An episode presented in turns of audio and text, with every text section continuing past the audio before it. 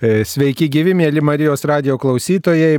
Jūsų dėmesio radio laida Klaus drąsiai. Džiaugiamės galėdami su jumis būti. Ir šį rytą e, noriu jums pristatyti e, vieną linksmiausiai nusiteikusių Lietuvos kunigų, tai Audrius Mikitiukas.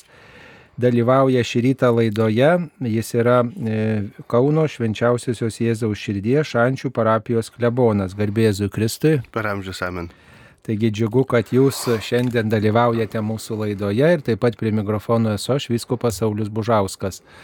E, sveikinu visus, e, kurie nešiojate Jono vardą, Janinos vardą, būkite palaiminti, tegul Dievas jums būna maloningas visuose jūsų reikaluose ir prisiminkit, kad e, kaip Jonas Krikštytojas rodė į Jėzų savo žodžiais ir darbais, taip ir ypač kiekvieno Jono ir Janinos užduotis išlaikyti tikėjimą ir savo žodžiais ir darbais rodyti į Dievą. Kreipti tikėjimą ir priminti apie Dievo, Dievo veikimą šiame pasaulyje. Ir aišku, šiandien yra Kauno arkiviskupijos globėjo diena, tai sveikinam visus Kauno arkiviskupijos dvasininkus ir tikinčiuosius, nes švenčiame Kauno arkiviskupijos globėjo Švento Jono Krikštitojo iškilmę. Taip, šiandien arkiviskupijos kunigai gaus daug dovanų, visi gaus po voką.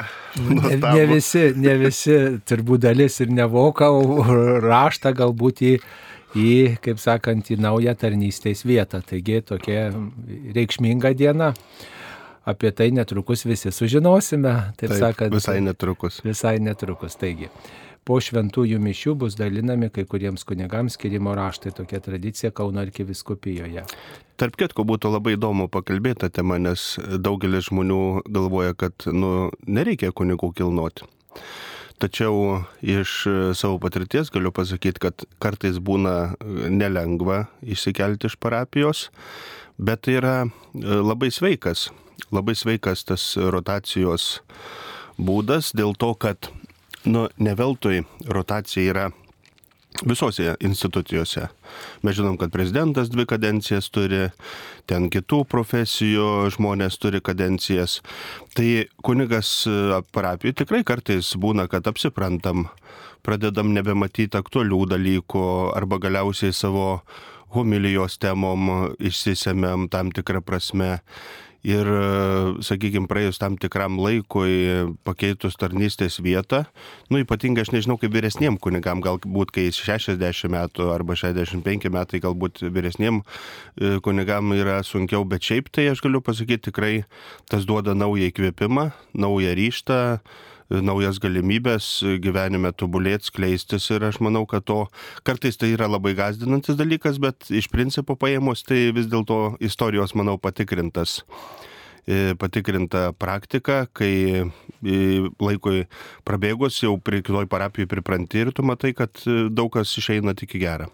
Tai jūs taip nusiteikęs keltis Aš dar keltis nenusiteikęs dėl to, kad aš ančiuose tik šeši metai. Nu tai kas čia jau ga, gal ir galima būtų. Bet, bet tikrai tai nėra ta riba, kur iš tikrųjų aš manau, kad yra ir, ir dažniau keliasi ir visa kita. Tai vėl ta bažnyčios, bažnyčios situacija šiandieninė, sakyčiau, yra tokia, nu, mm, dažnai ekstraordinarinė, kai trūksta kunigų.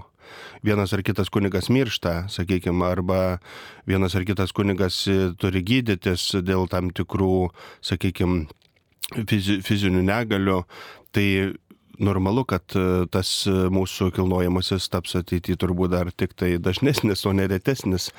Tai ta situacija yra tokia, kokia yra, bet jinai, kaip sakant, tikrai kai kada, sakau, emociškai yra labai sunku ją priimti, bet e, bent jau aš iš savo patirties galiu pasakyti, tai laikui prabėgus matai, kad tas pasikeitimas vis tiek duoda naujas galimybės ir naujus, e, naujus būdus ir pačiam tobulėti ir, ir, ir skleistis ir toliau vykdyti kunigišką tarnystę. Taip.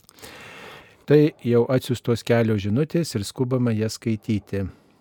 E, ar nereikėtų patiems viskupams, kunigams burtis į maldos grupelės ir melstis už save dvasininkyje būtų efektyviau negu dabar gerosios močiutės meldžiasi ištisom parom, o rezultatai klaustukas?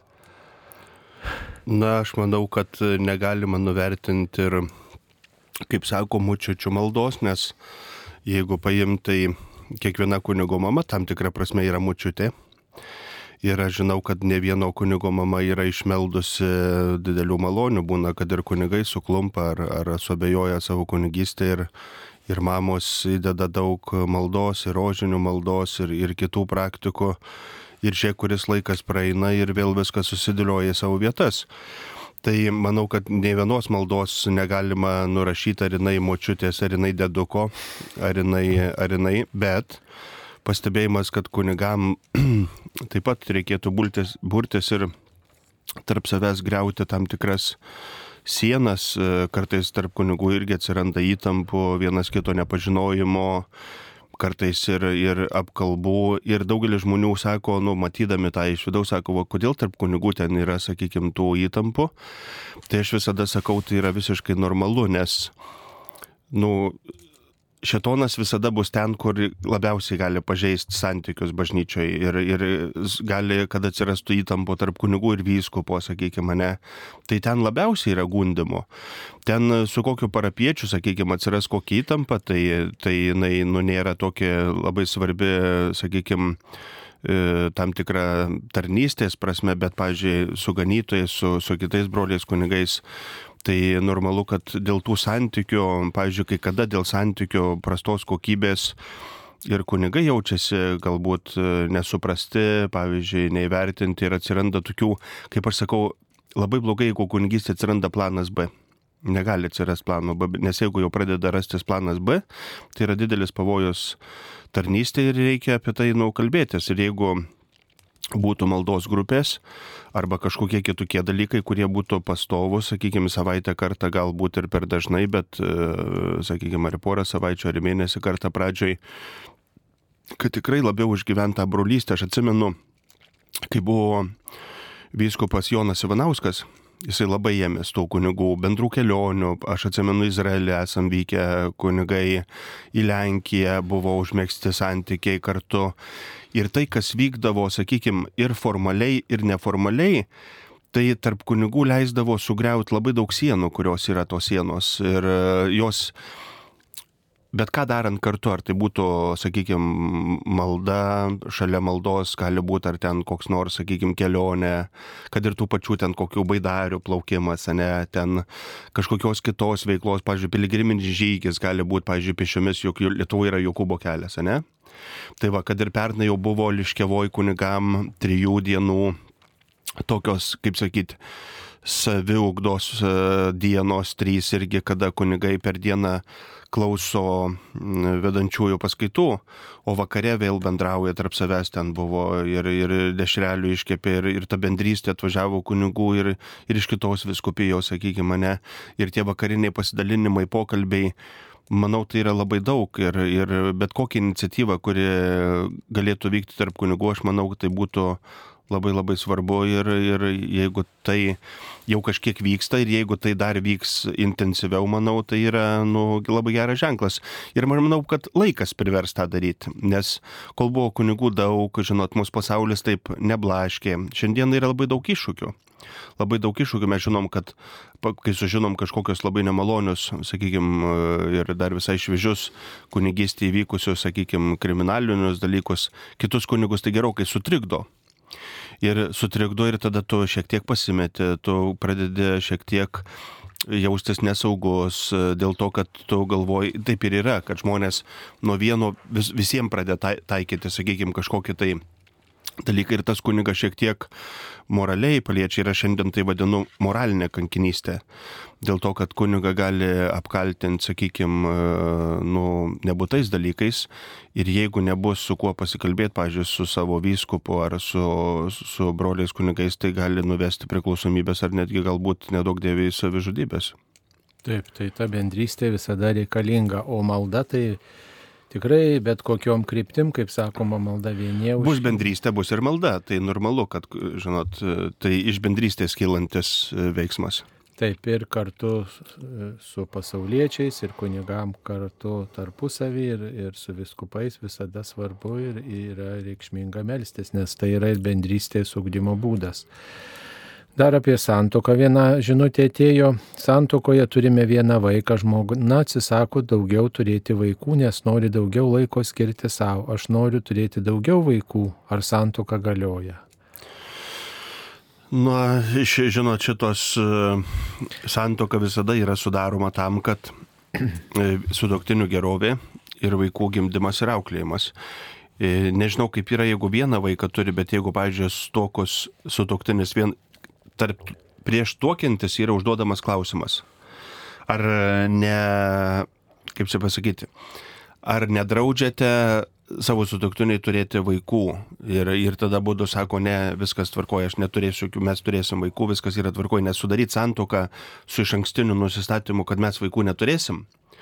Tai normalu, kad bet kokią santoką sudaryti yra galiojanti, bet galima įrodyti priešingai. Ta prasme, Ir jeigu, pavyzdžiui, sutoktinis jau yra vienas vaikas ir nėra norima daugiau vaikų, aš manau, kad čia reikėtų kreiptis į galbūt, e, aš dabar negalėčiau atsakyti, ar jau, jau turint vieną vaiką, bet jeigu nei vieno vaiko nebūtų, tai kreipiantis į bažnytinės teismą, tai tikrai tokia santoka būtų paskelbta negaliojanti. Nu, tiesiog reikia įvairias aplinkybės svarstyti, Taip. ar, ar tai tiesiog galbūt žmonės dėl sveikatos negali turėti vaikų, ar iš principo nenori. Arba turėti. nori gal kitas tik žais kompiuterinius žaidimus ir žino, kad jeigu vaikas atsiras, tai iškils grėsmė kompiuterinio žaidimo, kaip sakant, žaidimo pavojus, kaip sakant, ir visa kita. Tai čia, čia reikia, aš manau, kad tam yra šiuo atveju bažnytinis teismas. Iš principo santoka galioja, bet kalbėkite su žmona apie, apie reiškia, tų vaikų buvimo prasme ir tikrai, kai vaikai keli, tai galbūt ir jiems aukti šiek tiek yra lengviau ir juos ugdyti lengviau ir, ir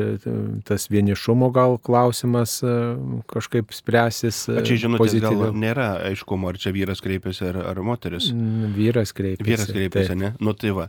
Tai vienu žodžiu tikrai reikia kalbėtis ir kalbėtis ir, nu aš iš savo patirties galiu pasakyti, man turėti brolį ir seserį, tai yra, nu, aš tikrai nenorėčiau būti viena šeimoje. Nu, nu, Aš įsigandau, gal sakysit apie vaikus. E, tai aš turiu brolį ir seserį, tai e, ne, neturėti, nu, kaip pasakyti, e, turėti juos, tai yra nubegalinė palaima. Ir kunigystėje galiu pasakyti, jie man labai stipriai palengvino kunigystę, kai buvo labai sunku. Sakykime, ten atsimenu, vienoj klebuniai buvo labai blogos sąlygos tai jie tikrai daug laiko praleido padėdami įsirengti ir, ir susitvarkyti ir, ir, ir visa kita. Tai man buvo buvimas šalia jų, jų buvimas šalia manęs man buvo labai didelė pagalba kunigystėje. Taip, tai, tai tikrai reikia svarstyti įvairius argumentus pasitelkiant ir aišku visada gerbent ir kitą žmogų, turbūt ne, ne, nedarant kažkokio spaudimo, bet argumentais apie tai kalbantis. Dar apie sielos tėvystę toks klausimas. Ar už šią tarnystę, už šią paslaugą kažkaip atsiskaitoma, jei taip, tai kaip, kiek? Matot, bažnyčioje realiai už nieką nėra atsiskaitoma. Ir čia, kada man tenka kalbėti su žmonėm, tai jie galvoja, kad atėjo į bažnyčią, tarkim, laidotuvę santoką ar krikštas ir jie moka arba aukoja už tą veiksmą. Tai reikia suprasti, kad žmonės aukoja bažnyčioj ne už tą veiksmą, o jie aukoja, pavyzdžiui, Nu įsivaizduokit, jeigu paim Šančių parapiją, ne, Šančių bažnyčia tikrai išlauko, pavyzdžiui, jinai nėra graži viduje, jinai visai nebloga, bet normalu, kad šiais laikais žmonės ieško, kad būtų, nu, graži aplinka, ten Vytauto bažnyčia, katedra, prisikėlimų bažnyčia, ne, ir per metus yra pas mus dvi santokos, kaip pavyzdys, ne, Ir jeigu žmogus, ir vieną kartą aš kalbėjau su parapiečiai, sako, nu mes nežinom, vad paukosim ten kelius šimtus eurų, įsidės kunigas į kišenę ir, ir panašiai. Ir jisai gauna šitą auką ne už tą pusvalandį ir tų pusvalandžių daugiau nebus šiais metais. Bet žmonės aukoja e, šiuo atveju, kad bažnyčioje ir kunigo gyvenime būtų už ką nusipirkti kurą, padangas, nusiskust, nusipraust, nusikirpti, nusipirkti švarką, naują sutaną, pavyzdžiui, ne, jeigu reikia ten e, knygą, krapylą arba gerą darbą padaryti. Kunigu irgi turė, reikia turėti pinigų padaryti gerą darbą. Tai žinot, jeigu kunigas pats neturės iš ko e, padaryti kokį nors gerą darbą, vėl jį taip kaip asmenį, sakykime, labai nesmagu yra, kai pats turi ypatingai ten e, žiūrėti, kad neturi iš ko padaryti gerą darbą. Tai žmonės niekada neaukoja už patį veiksmą, neaukoja, nėra auka už laidotuvės. Ta galima padaryti. Aš, pažiūrėjau, kai einu pas ligoninį ir ligoninę, žmonės duoda daug, aš niekada neimu, sakau, būsit bažnyčių ir paukosit. Sako, mes ne iš tos parapijos, tai sakau, paukokit savo parapijoje, tai ten irgi yra reikalų. Tai esmė yra tame, kad toj bažnyčioje visur yra reikalų ir žmonės aukoja už tai, kad jie ir po metų atėję rastų čia maldingai būdinčius visus ir visa kita. Ir nėra tai, kad va, aš už pusvalandį padaviau ir čia yra kaina to apieigų. Apieigų kainos nėra jokios. Yra auka, kurią prisidedu ir dažnai žmonės klausia, kiek reikia aukoti ir aš e, labai neseniai e, prieš kokį tris mėnesius išrišau šitą uh, klausimą. Dėl ko žmonės primiktinai kartais klausia, kad gink Dievė per daug nepaukoti. Kad gink Dievė ir aš su viena moterim diskutavau. Ir sakau, ką bijot per daug paukoti. Ir jinai taip sąžininkai užsidengė net veidą vienu žodžiu, kad, nu taip sąžininkai pričiupta, kad tik per daug nepaukoti. Auka visada ir aš iš tavęs galiu pasakyti, kada auka skaitosi auka, kai tu aukoji ir šiek tiek jau gaila va tada jau gali sakyti, kad auka. Nes jeigu duodi ir tu net... Ir negaila. Ir nepajauti, tai čia reiškia, nu, čia toks, atsim, kaip žodį pasakyti, atsi... Nu, vieno žodžio atstumėms, va kaip koks nors gatviai prieina žmogus, paprašys tavį išmaldos, ne? Ir jeigu tu duosi 10 centų, 20, 30, tau net negaila. Bet jeigu tu jau duosi penkis arba dešimt, sakykime, mane, vat, e, to, tokioj situacijai, jau tau šiek tiek skaudės, ta prasme, jau šiek tiek bus gaila. Bet e, aš vieną kartą gyvenime esu iš tikrųjų žmonėm pečių pastatęs, nes aš kalėdojau kaime. Ir aš manau, kad mačiau, kad žmonės tą pečius dar buvo, žinot, iš plytų pastatytas ir e, skylės tose plytose ir žiežirba spriegdama gali nuspriegti bet kur kambarį ir, ir, ir užsidegs, ne? Ir aš matydamas ten, ir tie žmonės abu, ten vyras su žmona, ir jie tokie, abu su negale, jie nebuvo, jie tokie bibliniai vargšai, kaip aš vadinu tokius žmonės, biblinius vargšus. Tai tu žinai, kad jie ne, ne, nepragers tų pinigų, jie tiesiog vargingai gyvena dėl savo, ten jie buvo turėjo šiek tiek, manau, kad ir fizinės, ir protinės negalės, bet puikiausiai galėjo gyventi ir integruotis į visuomenę. Tai aš jiems pastačiau tą pečių naują su darbais, su medžiagom, ten sudarė gana nemaža suma. Ir aš va pirmą kartą gyvenime supratau, kad tai yra auka, nes iš tikrųjų aš už tą auką laisvai galėjau kur nors atostogas turėti e, labai puikias, ne? Ir aš va tą sumą paukodamas jau supratau, kad čia yra auka, nes jau tai buvo gaila. O jeigu ten būtų, žinai, paduoti 5 eurus ar 10, tai kitą dieną jau pamiršti, tai čia yra toks labai dalykas, kad, nu, auka turi turėti savo kainą. Jeigu auka neturi savo kainos, arba kitas posakis yra labai geras, nėra aukos be aukos. Nu, nėra aukos be aukos. Jeigu aukoji nėra aukos, nu kokia čia auka? Auka turi būti, uh, turi aukodamas, turi ženkliai paukoti, ar tai būtų laikas, ar tai būtų sugebėjimai, ar tai būtų, nu, pavyzdžiui, įsivaizduokit, jeigu aš ten kažkokios ryties specialistas ir noriu žmogui paukoti savo paslaugą. Nu tai jinai turi ženkliai užimti, ne taip, kad ten dvi minutės mano laiko ten kažkokio, bet jeigu, pavyzdžiui, ten koks advokatas surašo žmogų ieškinį, ten dar kažkas užtrunka ten 2, 3, 4, 5 valandas, ne jam padėti, jau yra auka, nes labai ženklus. Tai va, nėra aukos be aukos. Tiesiog nėra aukos. Ir jeigu tu aukodamas nepatiri, auk, aukodamasis, kad nepatiri, kad aukojasi, nu tai kokia čia auka? auka turi būti auka, žinot. E, nėra aukos be aukos. Čia aš manau, čia yra geriausias e, Taip. atsakymas. Ačiū. Dar viena žinutė apie mintis mūsų.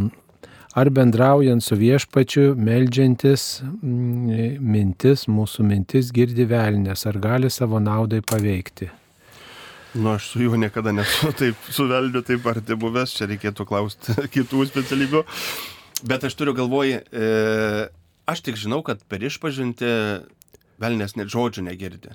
Kai žmogus eina išpažinties, jam neleista girdėti žmogaus išpažinties.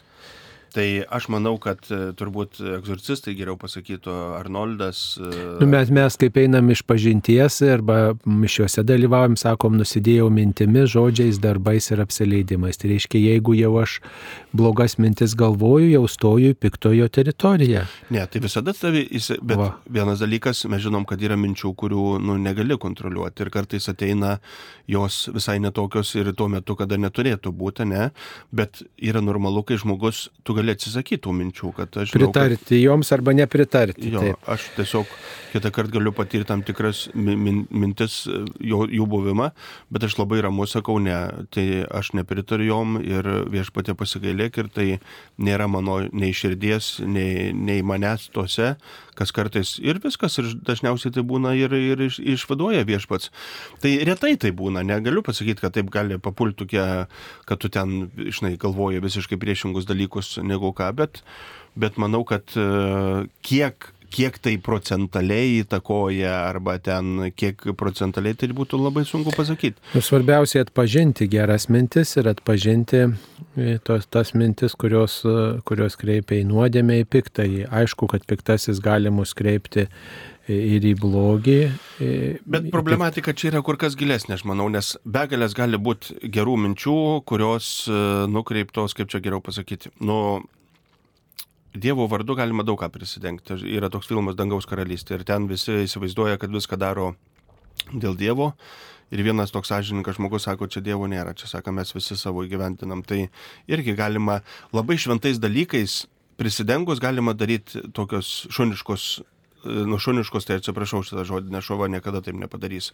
Tai net... Nedorus darbus, nuodėmės. Taip, taip, vienu žodžiu, tai prisidengiant pamaldžiais, šventais e, dalykais. Bet jau čia intencija bloga yra, aiškiai. Galima skūš, meišt, meluoti, vienu žodžiu, prisidengus labai dideliu pamaldumu. Ir... Tai reiškia, žmogus stoja į piktojo pusę ir daro piktojo darbus. Tai tas e, mintis, tas e, blogas intencijas, reiškia, piktasis yra ir... pasėjęs ir žmogus pritaręs joms. Mums paskambino.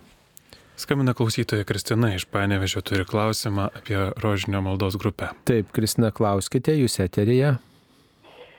Laikraštė 21 amžiui buvo toks, toks straipsnis apie rožinio kelią.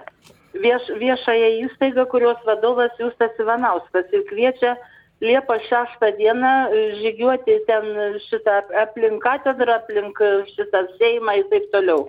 Ar čia yra viskas e, tinkama? Rožinio kalbėtojam, gyvojo rožinio kalbėtojam šitoje akcijoje dalyvauti, ar čia yra kažkas naujo?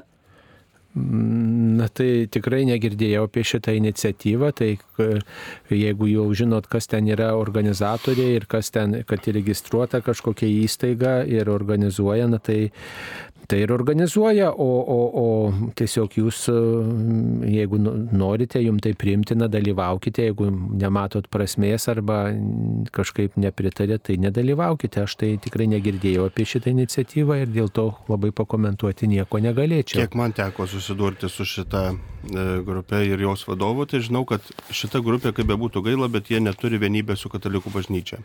Taip. Jie neturi vienybės su katalikų bažnyčia ir universitete ten yra problemų ir, ir šiaip aš manau, kad visos katalikiškos organizacijos, kokios jos bebūtų, jos vis tiek e, yra vienybė su parapija kažkokia, tai yra vienybė su viskupyje, turi pasiuntinybę. Pavyzdžiui, dabar įsivaizduokit, negali paimti ir pasaulėtis įsteigti katalikišką organizaciją be vyskupo e, pavedimo, be vyskupo leidimo, be vyskupo palaiminimo, ne? Tai va čia yra jau, kaip sakyt, katalikiška tokia sekta, katalikiška sekta, kuri atsiranda be jokio palaiminimo, be jokio...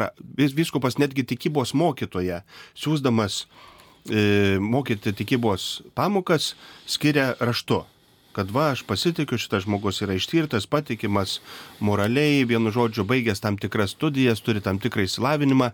Ir taip yra katalikų bažnyčių sutvarkyta, niekas negali užsimti saviveiklą. Tai šitas rožinio kelias ir jo vadovas, e, man teko su juo vieną kartą kalbėtis, man ten skambino dėl ir taip elgėsi gana agresyviai, taip sakyčiau, kaip, kaip, kaip e, koks nors uh, užsiengažavęs žurnalistas. Ir tas buvo labai liūdna. Tai buvo labai liūdna ir aš manau, kad katalikų bažnyčioje yra taip sutvarkyta, kad viskas turi būti e, pasiuntinybėje. Niekas negali veikti pats iš savęs. Ir, ir priešingų atveju tai būtų, nu kaip sakyti, nu, labai blogai. Ir, ir mes žinom, kad tas paskui ateina daug nesupratimo.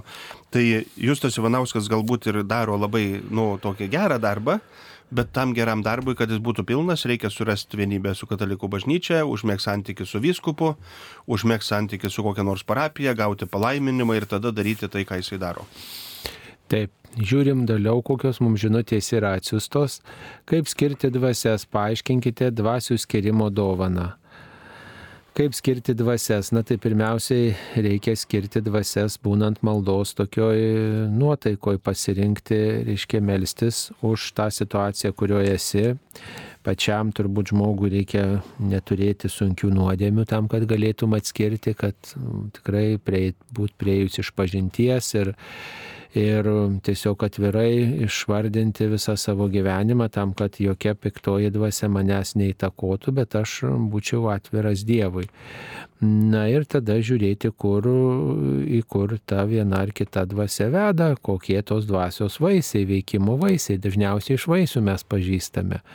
E, tiesiog iš kur tai kyla, kur veda, į kur kreipia, ar kreipia į bendruomenę, į gėrį, į artimo meilį, į tarnystę, ar kaip tik į susipriešinimą, nuodėmę, puikybę, tokį, e, e, taip sakant, atmetimą.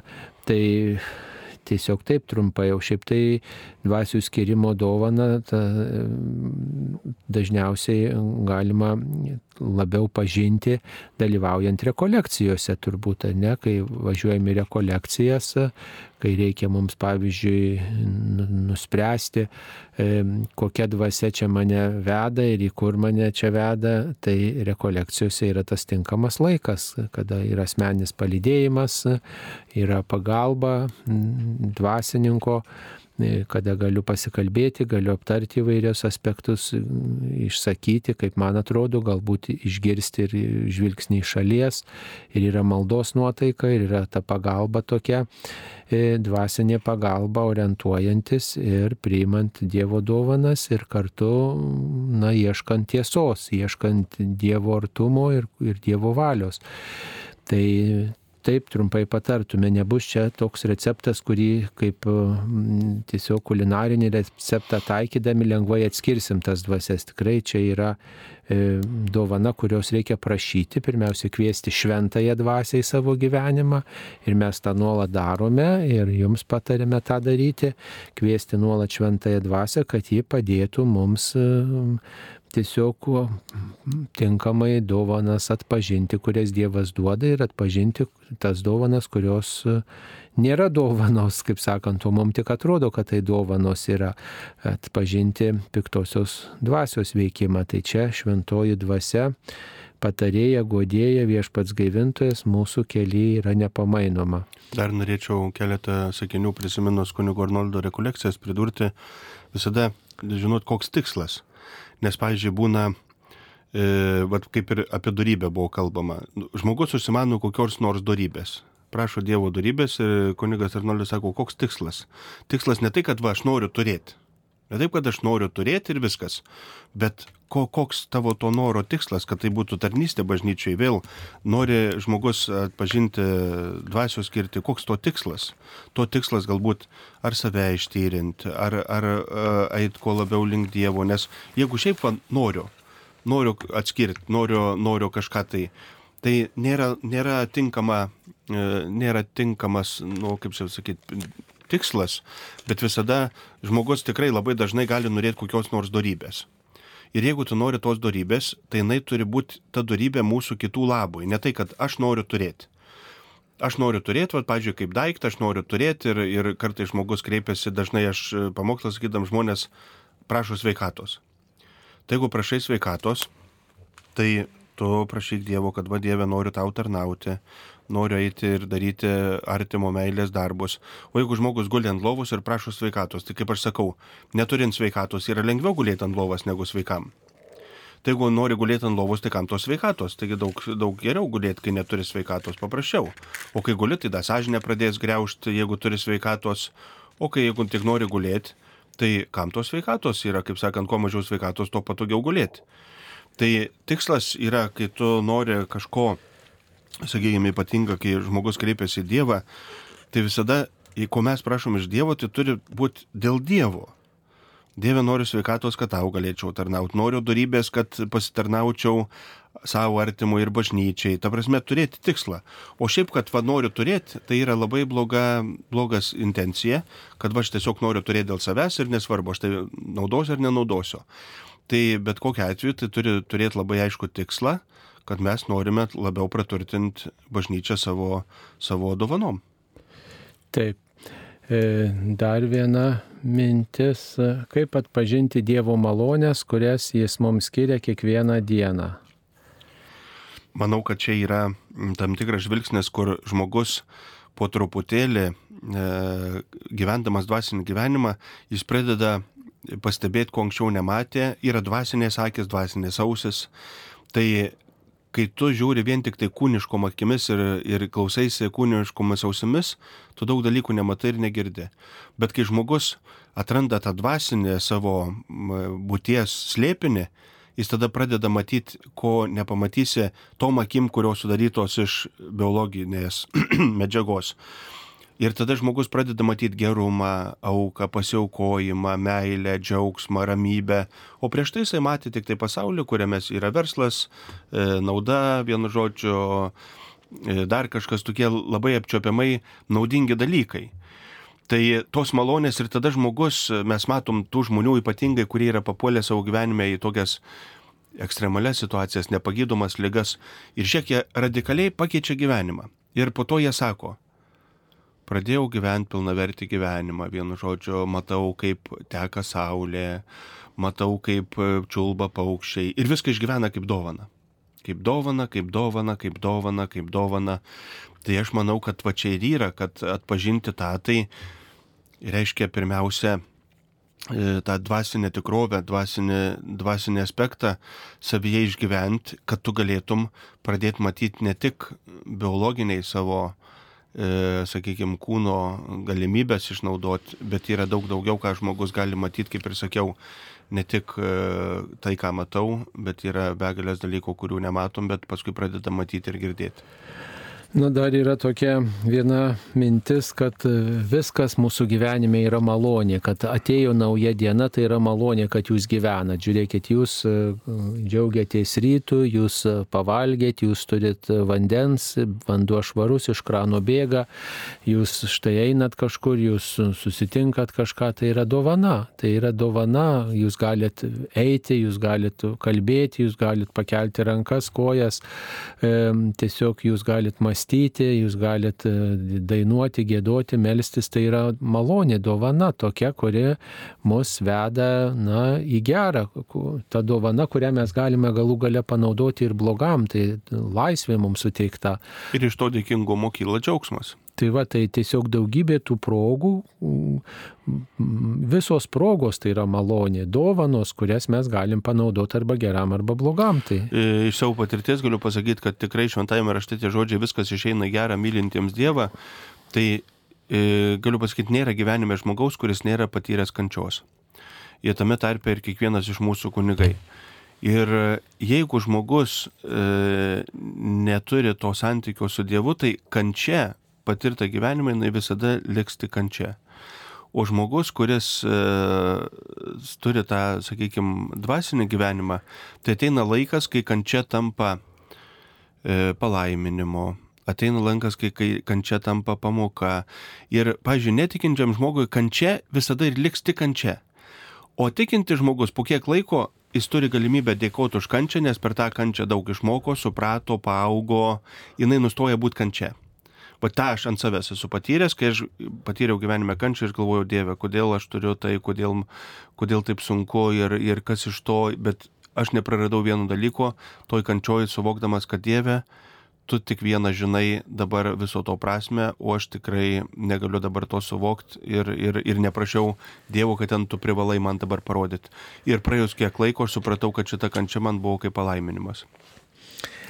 Taip, tai čia reikia tokios kitos perspektyvos truputėlį į mūsų gyvenimą ir net į skaudžius dalykus žiūrėti kaip į galimybę. Dar viena žinutė sunkiai keliuosi iš mylimo žmogaus netekties skausmo. Eina antri metai, bet nelengvėja. Turbūt tai nėra normalu, bet ką padarysi, sunku net melstis, bet melžiuosi kiek galiu ir kaip galiu. Noriu klausti, ar pokalbis su Dievu malda atliekant mintimis bus priimama kaip malda, ar būtina viską išsakyti žodžiais, garsiai tariant. Štai tokia žinutė ir taip pat yra panaši žinutė apie palaidotą vyrą, kuris mirė prieš 20 metų, o niekaip nepavyksta palengvinti savijautos, nes liūdnos mintys, slogios mintys, niekaip neišeina atsitiesti. Na visų pirmiausia, tai čia, žinot, į, į tuos netekties netekties jausmus reikia pažvelgti ne tik, ne tik per religiją, bet ir psichologinį žmogus, kai yra tie etapai, kur neigimas, susitaikymas, prieimimas, aš dabar jau nežinau visų iš eilės, bet aš manau, bet kokiu atveju turėti žmonių apie tai kalbėtis, juk yra savitarpio pagalbos grupės, pažiūrėjau, yra e, kažkur grupės, kur palaidojo savo sutoktinę maldos grupę, kur žmonės renkasi, kalba apie tai, dalinasi, visada skausmas pasidalintas, jis tampa mažesnis. Tai čia vien tik tai savyje kalbėti, e, melstis mintise yra viena, bet visada reikia rasti bendraminčių arba grupelę, arba patikimų žmonių, arba draugų, kur apie tai kalbėtis. Visada, kai mums yra kažkas skauda, mes visada apie tai dažniausiai esam linkę apie tai kalbėti, kalbėti, kalbėti ir eina laikas. Mirtis yra toks dalykas, kad jis yra nu, iš vienos pusės tikrai pakankamai nedėkingas ir skaudus, bet aš manau, kad vieną dalyką, ką mes turime išmokti, tai gyventi, nu žinant, kad ta mirtis yra, nu tiesiog gyvenimo e, tam tikras e, slengstis, kur nėra taip buvę, kad nėra, nėra mirties ir staiga man atsitiko taip, kad aš turiu išgyventi artimų. Visada mirtis buvo. Visada mirė, visada žmonės mirė, visada mirs. Ir aš e, perskaičiau kažkada tokią mintį, kuri man labai patiko, kad mūsų gyvenimo kokybė priklauso nuo mūsų santykio su mirtim jeigu žmogus turi teisingą santykį su mirtim, tai jisai, nu, gali išdarinėti tokius, sakykime, pakankamai, jeigu žmogaus santykis su mirtimi yra teisingas, jisai gali būti herojum, sakykime, ne, jisai gali gyvenime visai kitaip elgtis, bet jeigu žmogaus santykis su mirtim yra blogas, tai jisai tada gali būti menkysta, gali būti išdavikas, gali būti prisitaikėlis čia vėl, sakau, ateina į pagalbą filmas, kuris buvo mm, Emilija iš Laisvės alėjus berots. Ir kai vienas, norėdamas gyventi, išdavė savo draugus partizanus. Nu, jisai paskui tapo tas KGB agentu, bet kas atsitiko? Jis vis tiek po to nusišovė ir jo, sako, aš norėjau gyventi, dėl to išdaviau. Nu, vat, buvo blogas santykis su mirtim. Jisai bijojo mirti, išdavė, bet po to galiausiai vis tiek nusižudė, nes tas gyvenimas, e, kuris kurį jis gavo per išdavystę, jo nu netenkino ir galiausiai jis nusižudė, nusišovė tas KGB agentas. Tai mūsų santykis su mirtim labai nusprendžia mūsų gyvenimo kasdienybę. Jeigu mūsų santykis su mirtim yra teisingas, tai žmogus yra pasiruošęs, nu tiesiog, hero, heroizmui. O jeigu žmogaus e, gyvenimas, e, žmogaus santykis su mirtim nėra normalus, tai sakau, žmogus jis bus bet kuo - menkysta, išdaviku, prisitaikeliu, kuom tik nori, nes jo toks santykis su mirtimi ir jis be galo bijo mirti. Jis tiesiog taip bijo mirti, kad jis yra pasiruošęs bet kokiai, e, vienu žodžiu, niekšybei. Tai mes, kaip sakant, darom daug keuliškų dalykų, kad gyventume kaip žmonės, yra kažkoks posakis. Mes padarom daug, daug keuliškų dalykų, kad gyventume kaip žmonės. Taip, tai kartais keulių nereikia įskaudinti, tai nes keulės kultūringai. Na, nu, bet žinot, prik, priknisam, priknisam, priknisam, priknisam, priknisam. Taip, dar vienas klausimas apie susipriešinimą. Kaip atpažinti, kada dvasia veda į susipriešinimą, o kada susipriešinimas kyla iš kitų netikėjimo e, ir tikėjimo dalykų atmetimo. Ar visada susipriešinimas yra blogis? Sunku pasakyti, santykiai yra aplamai pati sudėtingiausia, nes gimtoji nuodėmė yra kas santyk, iš santykio, nes labai įdomus dalykas, kad daugelis galvoja, kad e, gimtoji nuodėmė yra Adomo ir Jėvos e, kažkoks e, lytiškumo lytiškumo nuodėmė ir vienu žodžiu tai yra gimtoji nuodėmė. Kai tuo tarpu gimtoji nuodėmė yra kilusi iš santykių, neturėjai kitų dievų, tik mane vieną ir čia užsisuka viskas viskas užsisuka iš santykių, dėl to aš e, bažnyčio dažnai kalbėdama žmonėm, kad pati opiausia žmogaus gyvenimo dalis yra santykiai. Ir man čia patinka, aš ne, net prisiminsiu vardo pavardės vieno aktoriaus, kuris buvo paklaustas išpažinimai berots laidoj. Sako, kaip tu įsivaizduoji amžiną gyvenimą? Sako, taip pačiai kaip čia, tik be galimybės viską sugadinti. Tai, nu, taip labai, labai, nu, neteologiškai, bet, e, bet labai taikliai atsakė, kad amžinai gyvenimą įsivaizduoja viską, dabar, kaip, viską kaip dabar, nes kaip dabar negali sakyti, kad tai yra blogai. Nu, yra nuostabu. Bet mes turim galimybę viską taip sugadinti, taip suknistva, kai mes sakėme, ne apie tai, kad daug keuliškų dalykų padarom, kad gyventume kaip žmonės.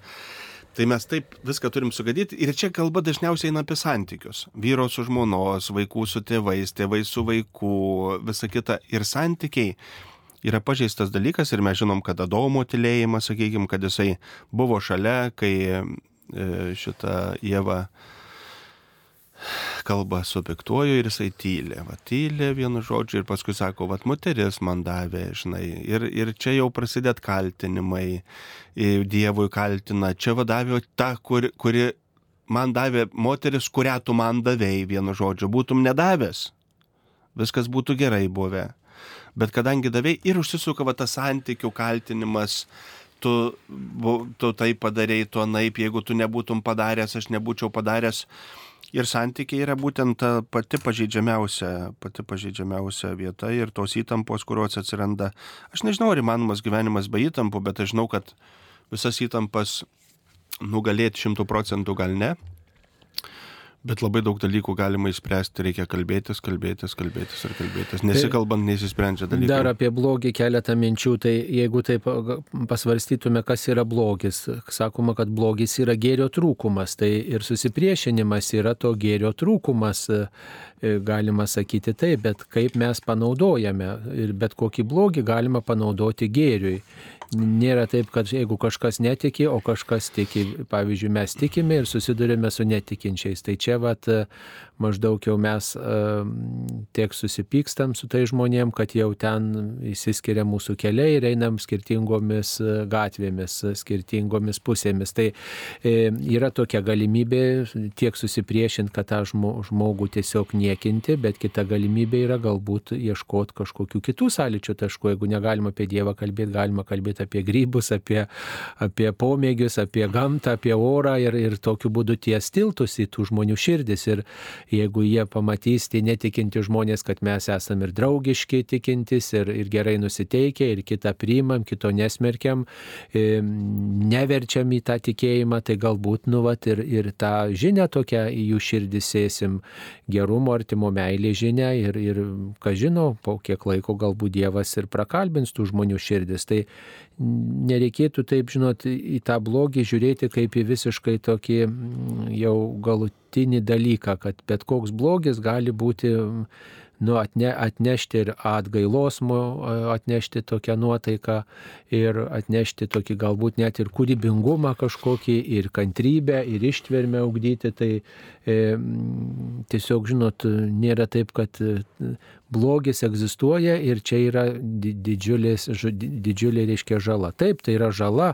ir, bet kaip mes elgiamės su ta žala, pavyzdžiui, žiūrėkit, karas atėjo, karas yra blogis, yra žala, yra nuostolis, yra netektis, yra e, didžiulis pralaimėjimas, sakytume, žmonijos, bet kita vertus, tai yra ir galimybė, žiūrėkit, ir solidarumą pažadina žmonių, ir, ir pažadina tokį kūrybingumą, pažadina, va, tai kaip mes panaudojam tas sunkes aplinkybės ir kartu svarstom apie tai, ir, ir, ir bandom tuos galbūt tiltus tiesti. Tai, tai taip reikia žiūrėti, blogį įveiksime tik tai daugindami gėrį, reiškia, va, tai, Tai ir, ir tas susipriešinimas, susipriešinimas, skirtingos nuomonės, jisai gali būti pralaimėjimas, jeigu mes tam pasiduosime, bet gali būti ir tiesiog tokia galimybė, galimybė pagalvoti, kodėl aš tikiu, pavyzdžiui, ne, grįžti ir sustiprinti savo pozicijas, netikėjimo kelią. Galbūt pakviest kažkokiam kitokiam žvilgsniui į kito žmogaus situaciją, tai tiesiog pažiūrėti kaip į galimybės į daugelį situacijų situacijų ir žiūrėti, kaip Dievas gali mums padėti išvesti gerą. Mums paskambino. Skambina klausytoja Irena iš Šiaulių. Taip, Irena, klauskite, jūs eterija. Garbėjai Kristai. Per amžius. E, labai džiaugiuosi, kad yra kunigas Nikitiukas, bet, bet aš dabar tokia problema. Marijos radijo nuo birželio 12 dienos jau nebegirdžiu. Nežinau, kas yra dar paskutinį kartą va tokią pagavau tą e, ketvirtadienį mm, kunigo e, Veprausko bažnytinės teisės klausimai.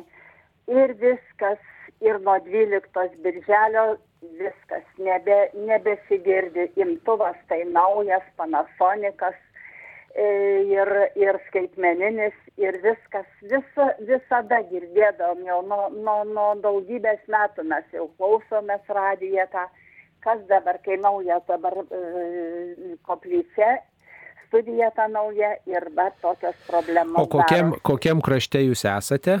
E, Šiaulių. Šiaulių, Šiaulių mieste ir Šiaulių rajone? Mieste. Šiauliuose. Nu tai va, reikia pasidomėti, ar kiti žmonės Šiauliuose girdi Marijos radiją. Tiesiog pasidomėti. E, ačiū už skambutį. Tikrai pasistengkite galbūt pareguliuoti ir savo radio imtuvą. E, kartais ir nauji radio imtuvai ir genda, ir, ir, ir, ir tiesiog ir išeina iš reikiuotės ir visko nutinka, o šiaip tai pasidomėsime. Ačiū už skambutį. Aišku, Marijos radio galima klausytis ir internetu ir internetu www.marijosradijas.lt, štai toks adresas ir galima klausytis ir tiesiogiai, kartu yra tas e, privalumas, kad galima ir archyvę pasirausti, kaip sakoma, pasiknaisioti va tas žodis ir surasti tą laidą, kuri, kuri man, man patiktų ir kurios norėčiau dar ir dar paklausyti ir e, taip ugdyti savo tikėjimą ir pabūti drauge su tikinčiai žmonėm. Tai čia irgi tokia galimybė yra. Ir aišku, taip pat Marijos radio galima klausytis per podcast platformą. Gerai, dar žiūrim, kokios žinutės mums atsiustos. Žinutės atsiustos tokios. Bernardinuose skaičiau, kad prieš šimtą metų lietuviškoje žegnonėje pastebėta panašumų su arijonizmo erezija, kurioje neigiama švenčiausiai trybė. Kodėl dėlsiama likviduoti painiavą, naudojami kableliai ir brūkšneliai, problemos neįsprendžia.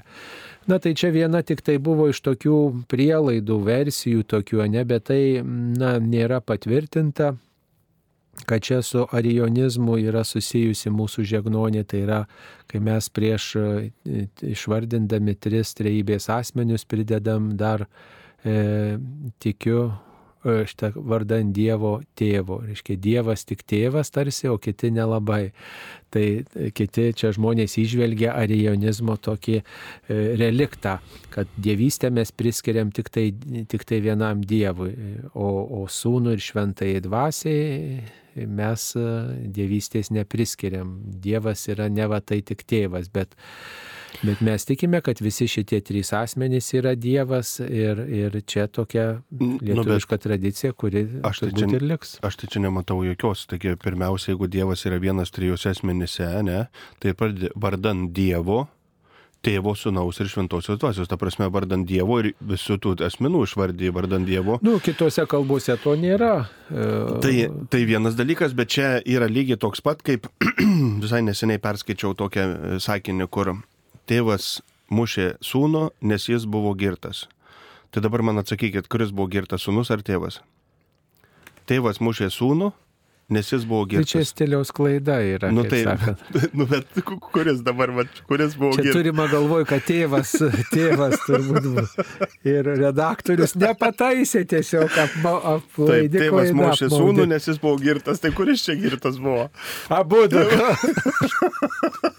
Neduok dievę, tikrai negerkit nei tėvai, nei vaikai, o jeigu išgeria, tai labai... Nu, per jaunės, kodėl, ekscelencija? Per jaunės. Labai saikingai. Tai... labai saikingai. Saikas toks dalykas, kuris ateina ir praeina, kaip ir, sako Beprauskas. Bet e, pagirios gali būti sunkios ir pasiekmės gerimo labai sunkios. Būna. O ką padarysi, niekas šiais laikais nėra lengva.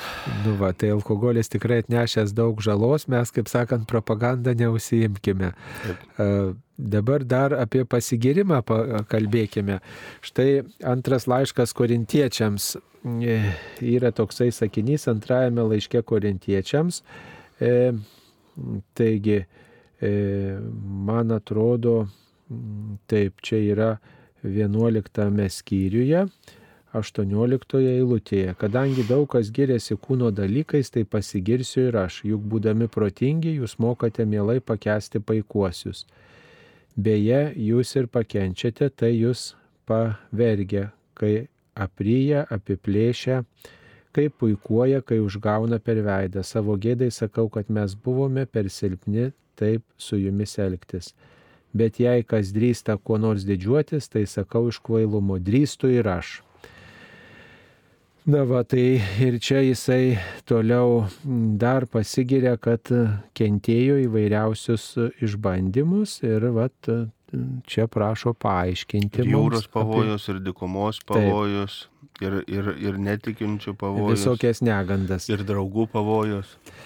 Nu tai e, čia turbūt nori klausti, čia nelabai to klausimo galima taip aiškiai suprasti, bet turbūt apie pasigirimą, kaip Paulius drįsta girtis tokiais dalykais.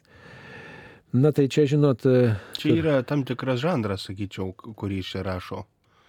Čia kaip ir kalbėjimo, kalbėjimo tam tikras, kur tu kalbi, tai nereiškia, kad būtinai, nu ir jisai sako, nu ir aš pasigirsiu. Ta prasme, čia yra tam tikras kalbos stilių žanras, kuris išsako tam tikrus uh, savo patirtis. Taip ir dar Pauliaus yra toksai įsimintinas sakinys, nieko nesigirsiu, nebet mūsų viešpaties Jėzaus Kristaus kryžiumi, nes ir jam teko kryžiaus dalę vienai par kitaip kančios vargo dėl Kristaus e, pasirinkimo išgyventi. Tai girsti silpnumais, tiesiog, kad esu silpnas žmogus, mes galim tai priimti kaip po tokį atkreipimą dėmesį, ne į savo silpnumą, kai mes didžiuojamės kažkokiam savo savybėm, tai mes tikrai tų savybių neturim, jos yra dovana dovana. O kai didžiu, pasakom, kad giriame savo silpnybėmis, tai silpnumu, savo mažumu, tai nereiškia, kad mes čia, kaip čia pasakyti, iškeliam tai aukščiau, bet tiesiog mes į tokią matomą savo vietą, į savo akis, akiratį pakeliam tas savo silpnas savybės, kurios mums primena mūsų trapumą ir dužlumą. Tai silpnybėmis kasgi gali girti, silpnybėmis, silpnybėse reikia pasitikėti Dievu turbūt. Taip, dar viena žinutė. Praėjo pirmųjų komunijų šventės, bažnyčios ištuštėjo. Kaip susigražinti jaunimą į bažnyčias? Na va, tai čia yra didysis paradoksas, kad žmonės prieėmė sutvirtinimą, prieėmė pirmąją komuniją, kažkur dinksta jų šeimos ir tiesiog prieėmė paslaugą galbūt, prieėmė patarnavimą, nebenori gyvą tikėjimą ugdyti ir gyvą bažnyčią statyti savo dalyvavimu, savo buvimu bažnyčios bendruomenėje ir tiesiog priima tai kaip tokį, tokia tradicija, kultūrinė galbūt tradicija. Na, aš manau, kad e, katalikų bažnyčia, aišku, nėra vien tik tai Lietuva, yra šalių, kur yra visai, nu, yra įvairiausių patirčių, bet jeigu lyginant, sakykime, mūsų vat Lietuvą, nu, reikėtų iškelti klausimą, o kada buvo kitaip? O kada buvo kitaip, kas liečia pirmą komuniją, ne, ten sutvirtinimą. Aišku, atsirasdavo ten viena kita parapija, kur tų patarnautojų likdavo, ar ten tų adorančių mergaičių, bet reikia pripažinti, kad, mėlyjeji, nu pasikeitė laikai ir visuomenė yra dirba bręs šitai bažnytiniai aplinkai. Dabar aš aną kartą pamokslą sakau tą temą. Aš įstojau seminariją 96 metais, ne? Tuo metu vis tiek e, nebuvo tokios prieš priešos, prieš bažnyčią, prieš kunigus. Ir aš galiu pasakyti, ta prieš priešą, nu, normalu, kad jinai turi būti kažkokia opozicija, bet tokį prieš priešą, kokia dabar yra, normalu, kad jinai yra organizuota ir dirbtinai sukurta. Ir dabar įsivaizduokit, va tokioj prieš priešai, va, pažiūrėjau, dabar, jeigu dar kažkas toja seminarijas, pažiūrėjau, žiūri tuos pašaukimus ir galvojo, nu čia kažkas nerealaus. Nes tokioj visuomeniai, kuri tiesiog alsuoja neapykantą, bet alsuoja neapykantą, aš, aš tą terminą panaudojau, vis, dabartinė visuomenė abortuoja pašaukimus. Abortą padaro pašaukimui. Tiesiog jie yra. Jie nėra taip, kad jų nebūtų. Čia lygiai taip pačiai, kad, žinai, gali būti 5000 neščių moterų, bet jos visos gali padaryti abortus. Ir nebus nei vieno vaiko ir sakyti, kad, žinai, negimsta vaikai. Jie, dėl ko jie negimsta? Ne dėl to, kad jų nebuvo dėl to, kad juos abortavo.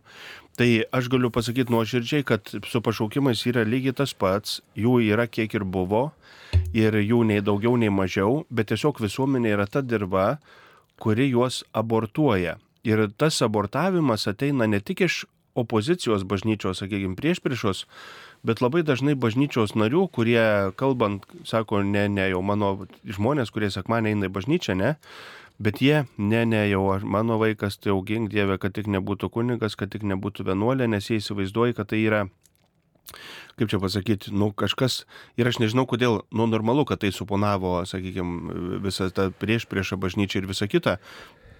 Ten pamato vienuolę vargšę moteris, kaip aš sakau, vargšė moteris yra ta, kuri išteka, patiria fizinį smurtą, seksualinį smurtą, kur vyras jai daro spaudimą įvairiausiai, tyčiojasi, negerbė, nemyli, va čia yra vargšė moteris, o vienuolė, kuri, žinai, atsikelia, dėkoja Dievui, eina mėgoti, dėkoja Dievui, vienu žodžiu, tai jinai nėra vargšė, jinai yra tiesiog e, save atradus ir pasaulį dovanojanti asmenybė. Tai čia tas vargšė moteris, tai čia žinot, e, manau, kad ištekėjusių moterų yra daug daugiau vargščių negu kad e, vienuolių. Tai va, esmė yra ta, kad dinksta tie vaikai, dinksta tie sutvirtinamieji, niekas nenori ten galbūt taip ir mišiom patarnauti. Tai visuomenė su savo, sakykime, priešinga nuomonė abortavo visus tuos pašaukimus, e, tiesiog ir, ir yra ką yra. Bet godžia tai, kad manau per istoriją nekarto tai buvo ir nekarto dar bus. Visada, kai pradeda žmonės kažką daryti, gyvena tame, gyvena, gyvena, paskui nusivilia ir padaro 180 laipsnių apsisukimą ir vėl grįžta prie ištakų, prie, sakykime, prie tikrų tų dalykų. Tai, kas vyksta dabar, aš manau, kad 50 metų laikotarpį tikrai įvyks atsinaujinimas ir vėl žmonės nusivils tuo savo išorę, kūniškumu, iškeltų seksualumu, vienu žodžiu viską ir tikrai 50 metų laikotarpį pasaulį vėl ateis atgimimas ir žmonės vėl grįž prie tų dvasinių dalykų ir pamatysit ir vėl bus pilnos tos seminarijos ir aš, aš tikiu, kad tai bus, nes taip nekartai yra buvę.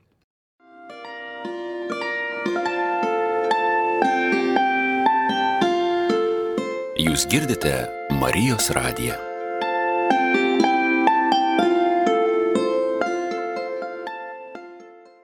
Mėly Marijos radio klausytojai, Marijos radio eterį esame mes, čia e, kunigai prie mikrofono yra Kauno švenčiausios Jėzaus širdies šančių parapijos klebonas kunigas Audrius Mikitiukas ir aš viskupas Saulis Bužauskas. Nu va, dėkoja, kad čia pakvietėme jūs kunigė į laidą, na va, ir sako, kai kuri muzika yra atsibodusi. Nu tai ką darysi, taip, nėra tos muzikos daug, tenka transliuoti e, syks nuo sykio ir vis tą pačią. Tai krikščioniškos muzikos, ypatingai lietuviškos, vis norime, kad būtų kokybiškos ir daugiau, kad galima būtų transliuoti Marijos radiją. Kad žmonės pradėtų skambinti, gal čia kokią intrigą įnešti, sakyčiau, reikėtų. Gal kokią čia... intrigą įnešti norėtų. Nors taip galvoju, kad šiandien Marijos radijas pasikeis direktorius, naujas atsidarys nu, Artimiausių bus... laikų tikriausiai ir, ir bus pakeitimų. Tai Laukiame. Aš, aš manau, kad šiandien jau paskutinė laida. Nu, tai... E, ekscelencijai kaip vadovas vadovai bus kaip svečias, tai va biški intrigas įnešim, to žmonės pradės skambinti, atsisveikinti, atsisveikinti, linkėti ilgų gyvenimo metų. Taip. Ir... Tiesiog aš taip galvoju, aš taip galvoju, mano širdis taip jaučia. Nu, va, matot, kokia. Kaip mano širdis kažkada jautė, atsimenu, kažkėlintais metais, balandžio pirmą vedžiau laidą, sakau, šiais metais popiežius atvažiuos, aš čia pradėjau meluoti, kad popiežius atvažiuos į Lietuvą, kuratais metais atvažiavo, paskui sakau, ką čia dar pameluoti balandžio pirmą, tai sakau, e, viskų pakestų tikėjvalą paskyrė, paskyrė į Telšius vyskupu, tai po dviejų savaičių tikrai paskyrė vienu tai žodžiu. Tai gal jis pranašas? Nu, kaip sakant, kažkokia Biblija vieta ne pranašas, bet, nu, tai va, bet žinot, pamėgyti galim. Taip, čia dar viena e, klausytoja ar klausytojas parašė, dėkui Dievui, kad Marijos radijas gyvuoja, Šiauliuose girdžiu Marijos radiją. Taigi, jeigu vieni klausytojai Šiauliuose girdi Marijos radiją, tai tikriausiai ir kiti to krašto žmonės turėtų girdėti. Taigi, ta klausytoja, kuris skambino, esate kviečiama pasidomėti, kaip veikia jūsų radio aparatas. Reikia nueiti pas kaimynus, pažiūrėti, ar pas kaimynus groja radija. Jeigu pas kaimynus groja, tai garantuotai ir pas juos groja. Turėtų groti. Taip. Taip, mums paskambino. Skambina klausytoja Ana iš Šiaulių. Taip, Ana, klauskite. Aš adoruoju ir prie Marijos radijo naktį savo virtuvė ir adoruoju bažnyčioje. Ir žinot, bažnyčia tai tikra adoracija, o vat prie Marijos radijo kažkaip gaunasi toks paviršutiniškas. Nežinau, ar man čia tik aš norėčiau gal va taip sakyti, kad gal dažniau renktų adoracijas rajonuose ir miestuose parapinėse bažnyčiose, gal tai būtų geriau, bet nes prie Marijos radijos ta adoracija tokia, nu, kažkaip tai tokia gaunasi kaip ir nu, bijau sakyti paviršutinišką ačiū. Taip, taip. Nu, griežtąją prasme tai galbūt yra tokia šlovinimo laikas, taip galbūt reikėtų pavadinti, nes adoracijoje jau daugelis žmonių taip sako, kad yra ir tylos valandėlių, yra ir tylos, tokių atkarpėlių radijui negali būti tylos, tai ta malda yra mm, toks nuolatinis šlovinimas, mąstymai, įvairios maldos kalbamos, nes radijas turi transliuoti garsą, žinę. Tai aišku, ta, ta, ta adoracija pirmiausiai skirta tiems žmonėms, kurie negali vaikščioti, judėti, kurie sunkiai serga. Tai tiems žmonėms pirmiausia visi kiti gali tiesiog taip pat toj maldos nuotaikoje pabūti. Tai sakyčiau dar kažkokia tokia kita maldos rūšis, kai, kai žmogus štai yra savo, savo aplinkoje, savo kambarį, važiuoja kažkur ir vieną ausim arba štai kelia mintis į tą šventovę, iš kurios tos maldos yra transliuojamos, gyva malda eina. Tai Tai tiesiog tai yra dar, sakyčiau, toks vad būdas kelti širdį į Dievą ir, sakyčiau, o parapijoje vykstanti adoracija tai yra ta tradicinė bažnyčios malda, kuri jau šimtmečius gyvuoja ir tiesiog priimkite ją kaip tokią dovana, kuri, kuri tiesiog gal labiau įtraukia tos vietinius žmonės, o čia tiesiog per radiją yra kvietimas melstis ir, ir toj maldos nuotaikoje būti. Tai čia, žinot, tie maldos būdai yra skirtingi, gal net sakyčiau, ir juos lyginti gal ir nesijimkime. Tiesiog yra taip sudaryta galimybė melstis parapijoje, kitaip yra sudaryta galimybė melstis mišiose, vėl kitaip, kai nieko nėra bažnyčio, jūs prie tabernakolio atsiklaupus, atsisėdus, atsistojus esate dar kitaip yra. Nu, tai čia tiesiog skirtinga, skirtingų maldos būdų įvairovė ir pasinaudokim tom galimybėm, kad mūsų širdis kiltų į Dievą, o kad bažnyčioje galite daugiau plėtoti adoracijų, tai čia tarkite su parapijos klebonu. Ar priimtumėte tokį pasiūlymą kunigė, jei ateitų? Šančiuose reikia daugiau adoracijų. Ką sakytumėt? Sakytume taip, kad pas mus adoracija, jeigu atsirastų norinčių, gali būti kiekvieną dieną, po rytinių mišių iki vakarinių mišių, jeigu tik atsirastų, tai prašom, kiekvieną Va, dieną. Jeigu tik vienas žmogus atsirastų, ar du, ar trys, tai va ryte baigės mišios, įstatei švenčiausiai sakramentą ir labai būtų gražu, kad adoruotų kažkas iki pat vakaro šventųjų mišių. Tai čia va, nuo žmonių priklauso, ar, atsidai, ar, ar atsiras nuo. Ir galėtų būti adoruoti ir džiaugtis viešpaties artuma. Taip, mums paskambino. Skambina klausytoja Ona iš Vilniaus. Taip, onute, klauskite, jūs eterėje per amžius sakykite, prašau, aš labai norėčiau, kad būtų atkreiptas dėmesys į maldas. Labai dabar dažnai vis girdžiu kalbą girožančių, taigi nutėda mūsų. Sveika Marija, malonės pilnoji, tu pagirta tarp moterų. Nu pagirta tai buvo vakar, o šiandien pagirta. Tai va tas kažkaip, kai, kai yra nukai, va girdi klauso, nu tai jau norėtųsi, kad būtų taip, kaip turi būti ir dabar tėvė mūsų tai amen, kai kalbi. Tai aš tai visą laiką skaičiau ir esu baigus katechetų technikume, amen po tėvė mūsų nėra. O dažnai yra sakoma. Tai dabar man čia paaiškino, kai aš paskambinau šiandien, kad tik mišiuose nėra, o kitur yra. Tai kaip čia suprasti? Taip, mišiuose ta tėvė mūsų malda pratesiama kunigas tebe laiko po tėvę mūsų maldos rankas ištiesęs ir tęsia maldą tą. O kaip melžiamės privačiai, tai tikrai po tėvę mūsų tinka pasakyti amen. Tai reiškia tokį pritarimą ir patvirtinimą, kad tikiu ir trokštų, kad tie maldo žodžiai įsipildytų. Tai tiesa. Nereikia turbūt labai gal mums susikoncentruoti į tuos tokius, žinot, ar ten bus maldo žodelis, ar nebus pabaigoje amen. Ar tai keičia esmę, turbūt reikia esmė žiūrėti, su kokia nuostata kalbame. Dėl kirčiavimo sutinku su jumis, kad e, reikia taisyklingai kirčiuoti, bet žinot, na, yra ta tokia, kaip sakyti, žmonių ir, ir tarmė, ir turbūt įpročiai, ir automatizmo tame yra, tai čia toks atviras klausimas. E, reikia tikrai įdėmiau, įdėmiau tuos maldų tekstus sekti, bet žinot, meldžiasi dažnai pagyvenę žmonės, vyresni arba jauni taip įsigasta kartais ir jie nu, vat, susijaudina prie mikrofono, kad ir, ir, ir pradeda netinkamai kirčiuoti. Pavyzdžiui, sako bažnyčia, kažkodėl žmonės nori sakyti bažnyčia ir jiem atrodo, kad čia taisyklingai.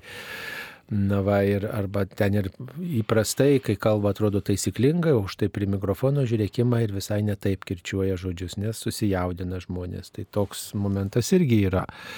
O šiaip dėl mūsų kalbų, tai kirčiavimo, mm, tos religinės kalbos kirčiavimo, tai verta turbūt atkreipti dėmesį, bet svarbu turbūt mm, nesureikšminti net tų, tų, tų maldo žodžių, tų, tų klaidų, taip ir vis tiek esmę žiūrėti, esmę žiūrėti. Tai kada galime padarome pastabą, pasiūlymus, žinot, ne visada žmonės atsižvelgia, jūs puikiai pati žinot, mėla klausytojai ir mėly klausytojai, kad kartai, žinot, elementarius dalykus kunigas ar kažkas paprašo, pamoko žmonės, užrėk apsisuka ir vėl kažką daro. Nu, pavyzdžiui, tą patį daro, ne, pavyzdžiui, kad ir vat laidoj susirenka pašnekovai, žinai, ir pasakai, žinot, rankom nebelskit į į stalą, nebelskit, kai kalbat į stalą, prie, per sprindį nuo mikrofono, žmogus kalba ir tiesiog taip įsi, įsijaučia į temą, kad ir belsti padeda. Ir, ir, Aš seniau būdavo. Ir tušinuku, tušinukus praksi ir dar kažką daro ir per arti ar per toli nueina ir, žinot, kažkaip nesinori žmogaus iš, išstumti iš, iš tų iš tų ribų jo kalbos, ypatingai kai jeigu jisai labai jau taip... Čia reikia elektros kabelį, taip. Taip, kad duotų srovės truputėlį. Ne. Per spindrinų mikrofoną elektros kabelį reikia. Tai tada bus labai toli nuo mikrofono. Ir kitą kartą neteisit, pavyzdžiui, bus pajungta, kitą kartą jau nesulauksim kunigo audriaus laidoje, nes bus jau gavęs srovės truputėlį. Įtampos. E, vienas žmogus labai gražiai irgi tas uh, yra pasakęs, sako, kai sakė, gelbėk mus nuo pikto amen. Ir jisai visada galvodavo, kad tas amen yra kažkas pikta. Piktas amen. Ir vienu žodžiu, ir gelbėk mus nuo pikto amen. Ir vienu žodžiu, gelbėk mus nuo pikto amen. Ir vis galvodavo, kas tas amen, kad jis toks piktas. Taip. Mums paskambino. Skambina Rimas iš Žemaitijos ir turi klausimą apie priekybą bažnyčio šventoriuje. Taip, prašau. Klausot mus. Taip, klausom. Klausome kodėl žemaičių kalvarijoje per atlaidus prekiaujama medum, statulėlėm visokiom, knygom, ubagai tarp durį bažnyčios stovi. Aš niekur nepastebėjau, kad būtų bažnyčioje prekiaujama ant šventoriaus. Šiluvoje neprekiauja, niekur lietavė, niekur nešilu. Nu, vienu žodžiu, kodėl žemaičių kalvarijoje per atlaidus leidžiama prekiauti. Nu, tai reikėtų klausti Žemaičių, para, Žemaičių kalvarijos parapijos klebono arba tada Žemaičių e, viskupijos kurijoje šitą klausimą užduoti. Tiesiog net nežinau, gal nėra vietos kur kitur, tai e, tiesiog žmonėms sudarytos sąlygos įsigyti gražių dalykų apie susijusius su atlaidais arba su lauktuvės parvežti medaus. Gal čia nėra jau toks didelis nusikaltimas, ne? Svarbiausia, kad broliškai žmonės sutartų. Nu, žinoma, tos mugės prie bažnyčių šventorių, tai čia tokia sena tradicija yra ir dažnai keldavo keldavo turbūt ir tokį ir pasipiktinimą, kad čia žmonės maldingai nusiteikia ateina, o čia žiūrėk vadaromas turgus, kermošėje, ne? Tai toks jautrus klausimas. Aišku, jeigu įmanoma, galbūt, kad netrukdytų tų maldos, susit... maldos susirinkime dalyvaujančių žmonių nuotaikos, tai skubančių į pamaldas čia netrukdytų tokie dalykai, galbūt galima ir kitaip spręsti. Bet nemanau, kad čia toks labai trikdantis dalykas, kad kažkas ten religinį kokį daiktelį. Jeigu paim Bibliją, tai Jėzus iš šventyklos išvartė tuos stalus šventykloje. Tai jeigu tai būtų bažnyčioje, bet aš galiu pasakyti, jeigu tai paimti ant šventorio ar prie šventorio, man tai savotiškai labai gražu, nežinau, kažkaip medutės, juk bitės tai nedvėsiau miršta, bičiulės jos neša medutį, vienu žodžiu ir šventoriui kažkas tokia. Nu, ta prasme, gal nereikėtų mūsų tos tikėjimų ir religijos taip pat skirti nuo gyvenimo, nuo realybės, ne? Jeigu tai būtų pačioj bažnyčioj, pačioj šventykloj, nu, aš tai, tai, tai suprantu, kad tikrai jau būtų konfliktas bet jeigu išėjus iš šventyklos ir ten palei tvoras kampuose kažkur ir yra žmonių, kurie ten kažką tai, mm, nežinau, man savotiškai yra, e, sakyčiau, miela. Aišku, yra šiek tiek sakykime, rėžia akį, kai ten pardavinėja, nu, visiškai nesusijusius dalykus, ten, sakykime, nežinau, peilius kokius nors ten. Arba ezoterinius dalykus kartais tokie krikščioniškam tikėjimui. Kinietiškus, dar ką nors, ne, nu, tai, bet, bet šiaip medutis, donytė, sakykime, nu, kad ir lašinukai, pavyzdžiui, nu, tai vis tiek mūsų identitetų dalis. Kaip sakant, kiekvienoje mūsų kišenėje da žagrės yra, kaip sakant, e, pėdsakų, tai, nu, nežinau, man tai kažkaip visą tai dabar paimti, stumt, paneigti vienu žodžiu, nu, mūsų identitetų dalis, sakau, kas liečia pačią šventyklą, viskas, čia nėra ką diskutuoti. Bet e, šventoriui, atokiose vietose, sakykime, kur žmonės susirenka visą kitą, tai manau, kad... Jo, bet čia vietoje vietoj turbūt reikia kalbėti su tos parapijos. Ko gero, kad čia mes kunigais. neįspręsim tos Mes problemos. neįspręsim, o iš principo svarbiausia, kad e, turbūt e, pagarba tarp žmonių būtų. Tikrai galima ir priimti, ir nepriimti galima, turbūt jau saugant nuo papiktinimo, bet kaip tą padaryti, turbūt visada yra tas klausimas. Taip, e, dar e, viena žinutė. Esu tikinti vyras nuolat priekaištauja dėl mišių lankymo, šlovinimo, žemina ir menkina. Sako, kad Dievas siuntė manį, kad turiu nešti savo kryžių. Kaip suderinti santykiuose tokius kardinaliai skirtingus poreikius ir požiūris, kokie būdai atsiskirti nuo vyrų. Jo, vienu žodžiu, kai aš nekartą tokią situaciją susidūręs, tai kai žmonės tuokėsi, kažkaip apie tos dvasinius dalykus negalvoja. Negalvoja, bet paskui su metais jie pradeda darytis aktualesnį ir aštrėti skirtumai. Tikrai gyvenime neteko teko matyti ne kartą va tokią kankinę moterį, kuri patiria nuolatinius vyro pažeminimus, patyčias, pajokas. Manau, kad vienas iš būdų tai tiesiog Nu, nekreip dėmesio, yra dalykų, kur žmogus gali nekreip dėmesio, nuo to atsiriboti ir tiesiog tapti laisvas. Nu, vat laisvas. Lygiai taip pačiai įsivaizduokit, kaip žmogus, pažiūrėjau, alkoholikas ir kai jis tampa laisvas, jis gali sėdėti va prie degtinės, vienu žodžiu, bet jisai nu, nuo jos yra laisvas, į, į vidų neįsileidžia, ne? Lygiai taip pačiai ir nuo santykių žmogus gali tapti laisvas, tiesiog va, kaip sako, žmogus sutepa tai, ką jisai įs- įsil- įsi- įsil- išeina, tai va vienu žodžiu, o ne tai, kas įeina. Ir, pažiūrėjau, neįsileis tų dalykų į širdį, į sielą, bet čia apie atsiskirimą kalba. Tai atsiskirti ir gyventi atskirai vėl tai nėra nuodėmė. E, išsiskirti ir gyventi kitoj santokoje yra nuodėmė. O atsiskirti ir gyventi atskirai, sako, kokias atsiskirimo galimybės. Ir, ir atsiskirti, sakykime, nuo to Šiaip paėmus, e, jeigu tai yra iš tikrųjų labai didelė problema, kuri gal žmogų vesti į lygą, į depresiją, į kitokias, sakykime, psichologinės savęs nemylėjimo, nevertinimo problemas, tai tikrai nuo to galima atsiskirti ir nuo to nėra jokios bėdos ir čia nėra jokios nuodėmės atsiskirti nuo sutoktinių dėl, dėl sakykime, psichologinio ar fizinio, sakykime, smurto. Taip, mums paskambino. Skambina klausytoja Zofija iš Žemaitijos. Taip, Zofija, klauskite, jūs eterija Aha. Taip, garbėjai Zukristai. per amžius. Čia pradžioj, kada girdėjau gerbiamis kunigas Mikisiukas, kada sakė, jeigu tu esi netikintis, tai gulėdamas negali prašyti tos Dievo sveikatos. O kada aš esu tikinti ir kad jau eina blogai, nu, vis, visokių yra, nu, tų negalavim, kaip sako.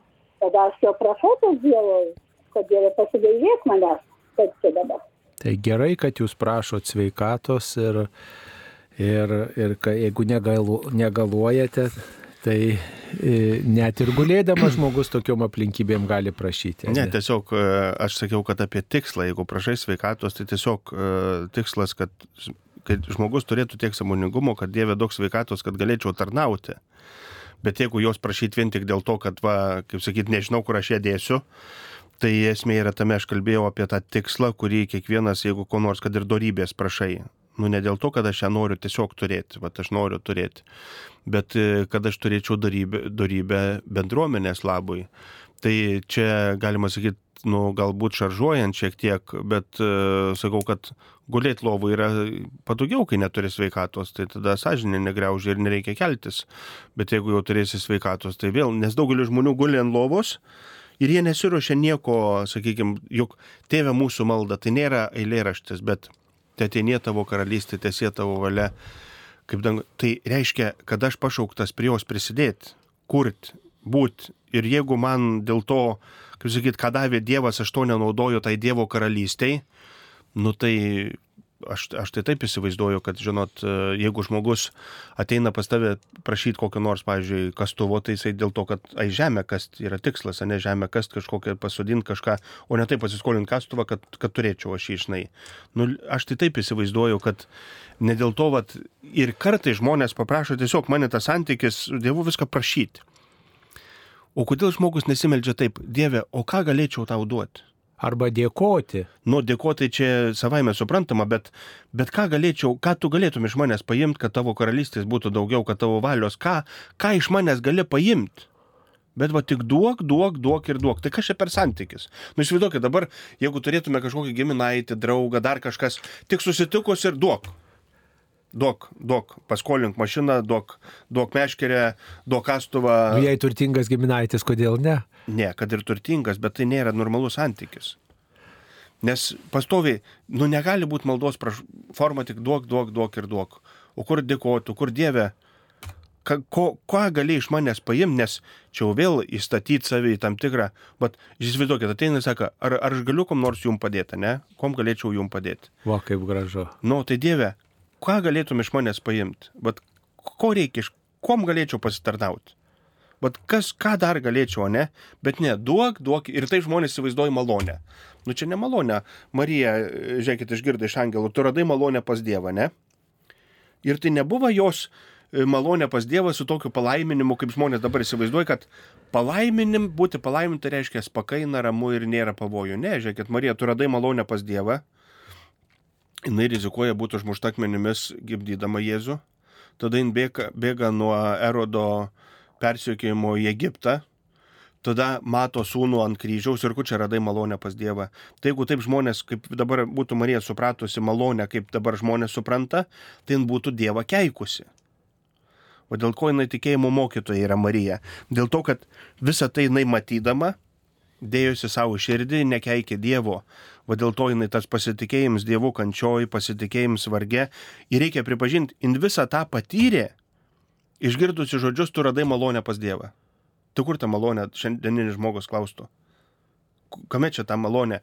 Tai va tas ir yra, kad žmonės tą malonę įsivaizduoja tik tai, pasige... arba daugelis žmonių meldžias maldos turinys pasigerinti savo būti. Nu kas čia per maldą pasigerinti būti? Dieve duok, padaryk, kad laimėčiau loterijoje vieną žodžio, kad tą būties pasigerinimui. Melskit Dievo karalystės, visa kita bus pridėta. O dabar visi apibūti, žinai, tik tai duok to, tik čia duok, tik čia... Aš to nesuprantu, man iš tikrųjų tai yra labai nesuprantama. Ir aplamai, koks santykis yra tik duok, duok, duok ir duok. Nu čia nėra santykių. Čia tokio žmogaus, kuris iš tavęs vis tik prašo ir pradedi vengti su laiku. Nu kiek gali, pamatė ir bėgi iš toli. Kad Nu, nereikėtų jau man. daly- Grįžtant iš maldos namų nukritau ant laiptų pažeisdama koją. Dabar melžiuosi namuose. Ar tai buvo Dievo bausmė? Nu, Jergau. Vienu žodžiu, čia... Galima nukristi nuo laiptų ir grįžtant iš parduotuvės. Aš tik vieną dalyką... norėčiau- Nelaimingas atsitikimas, sakykime. Aš tik vieną dalyką norėčiau pabrėžti, kad, kaip, pavyzdžiui, kai kurie žmonės likimas sako, yra likimas, likimas, čia Dievas. Aš tik norėčiau pasakyti, jeigu būtų likimas ir Dievas jį sustatytų, tai jis negalėtų suplanuoti blogio. Tiesiog Dievas negalėtų suplanuoti blogio. Jisai, jeigu Dievas sustatinėtų mūsų likimus, neliktų mūsų laisvos valios. Ir e, kartais tik tai geras posakis yra, kad kartais Dievas sugriauna mūsų planus, kad mes nesugriautume savo gyvenimo. Tai manau, kad Dievas kartais gali va, sugriauti mūsų planus, kad mes nesugriautume savo gyvenimo. Ir, ir, ir kas biški tuoj Dievas nubaudė. Aš nemanau, kad Dievas aplamai turi tokią savoką nubaus. Tiesiog gyvenam fiziniam pasaulyje. Įsivaizduokit, jeigu dabar žiema šalta. Tai jeigu tu būsi neatsargus, žiemą papulsi situaciją sušalsi, tai ką Dievas nubaudė, kad sušalai, tai vadinasi, vieni prašys, kad nebūtų šalčio, kiti prašys, kad nebūtų šilumos. Labai dažnai žmogus vėl kreipiasi Dievą, prašydams, kad Dievas pradėtų keisti fizikinius dėsnius. Dieve padaryk taip, kad vasara nebūtų karšta, nes aš galiu mirti, ir padaryk taip, kad žiema nebūtų šalta, nes e, brangiai ku- kainuoja, žinai, kūrenimas. Nu, ta prasme, jeigu mes patys įsiklausytume į savo maldas, nu, tai pražiltume nuo jų nelogiškumo. Tiesiog pražiltume nuo jų nelogiškumo. Taip, tai tiesiog jums kviečiame, mėla klausytoja, lankyti vis dėlto bažnyčią, užsigavote koją, galbūt ta koja sugijo, vis tiek būkite atsargesni. Pas daktarus eiti, bet net ir pas daktarus nuėjus vis tiek sakramentuos priimsite bažnyčioje e, ir tikrai niekas nepavaduos e, sakramentų šventimo tos, tos, tos, to džiaugsmo ir tos pilnatvės, kurią mes patiriame priimdami per sakramentus Dievą. Aš aną kartą išgirdau labai gerą mintį, dėl ko dabar pas gydytojus tokios e, didelės eilės reikia laukti labai ilgai. Žinot, kodėl, ekscelencija? Todėl, kad laikas gydo. tai dėl to reikia ilgai laukti pas gydytojus, nes laikas gydo. Laikas gydo. Ten laukiant labiau susirgi turbūt ne kaip, ne Šiaip, kaip pasveikti. Yra žmonės, sako, laikas gydo, nu tai va, Tai jeigu... čia kita prasme. Taip, mums paskambino. Skambina klausytoja Irina iš Vabalninkų. Taip, klauskite, jūs eterija Garbėkis per Kristų. amžius. Aš e, tokių klausimų aš nelabai, nu, nu gerai pasakysiu, ar aš čia vietoj klausiu ar ne vietoj. Dabar pas mus vabalninkai, nu, prasidėjo tokia, nu, tokius, tie pykčiai tokie čia, nu taip, kadangi yra mūsų miestelė gatvė pavadinta Salomėjos Nėries. Nu, viskas aišku, kodėl tai yra prieš ją prieštaraujama jau kiek čia metų jos ta gatvė tai pavadinta. Bet yra toj vietoj norima e, pavadinti tą gatvę e, kunigo e, Alfonso Petrulio vardu. Ir e, jis nusipelnęs kunigas ir, ir signataras buvęs viską. Aš tik noriu paklausti, ar čia mes tą gatvę panaikinę savo mėsnės labai suteiksim pagarbą kunigo vardu pavadinę. Aš skaitau, kad gal, kunigo, kunigui reikia kažką kitą padaryti, ar kokį biustą pastatyti šventoriui, ar kažką.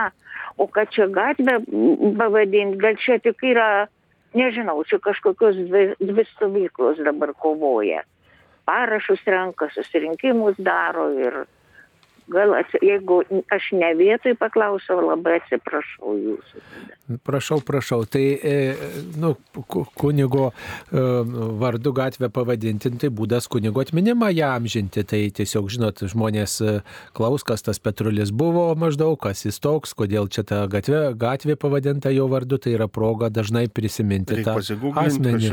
Taip, tai čia to, toks, toks turbūt sumanimas, jeigu susijęs su tuo kraštu, su, tuo, su ta vietovė, mm, tai, tai žmonės ir pasirinko jam žinti. Aišku, galbūt tie, kurie yra mm, poetės Salomėjos Neries gerbėjai, gal skaudina e, juos, kad tai, e, kad tai na, tiesiog yra poetės atminimo menkinimas, jos darbų nuveiktų, jos kūrybos toks nuvertinimas, į užmarštį stumimas, nu va, tokią mintį turi, nu va. ir- Iš to saulės, kaip sakant, užmiršimas. Na va, tai čia ir svarsto žmonės šitą, nu tai mes turbūt atsisakysim nuo vertinimo, į, į atminimą jam žinti galima įvairiais būdais, taip, pritarėm jums, bet svarbu, kad žmonės sutartų, kuriuo, kuris būdas jiems yra primtinesnis. Tai, na čia turbūt ilga kalba, ne čia ne- netrumpai atsakyti. į Kokia bebūtų kalba, bet vėl tai ne mūsų kompetencija. Tam yra seniūnas, meras, klebonas, gyventojai, kurie turi ten vietoj esantis turi išspręsti tą problemą, o ne, Marijos, ne iš Marijos radio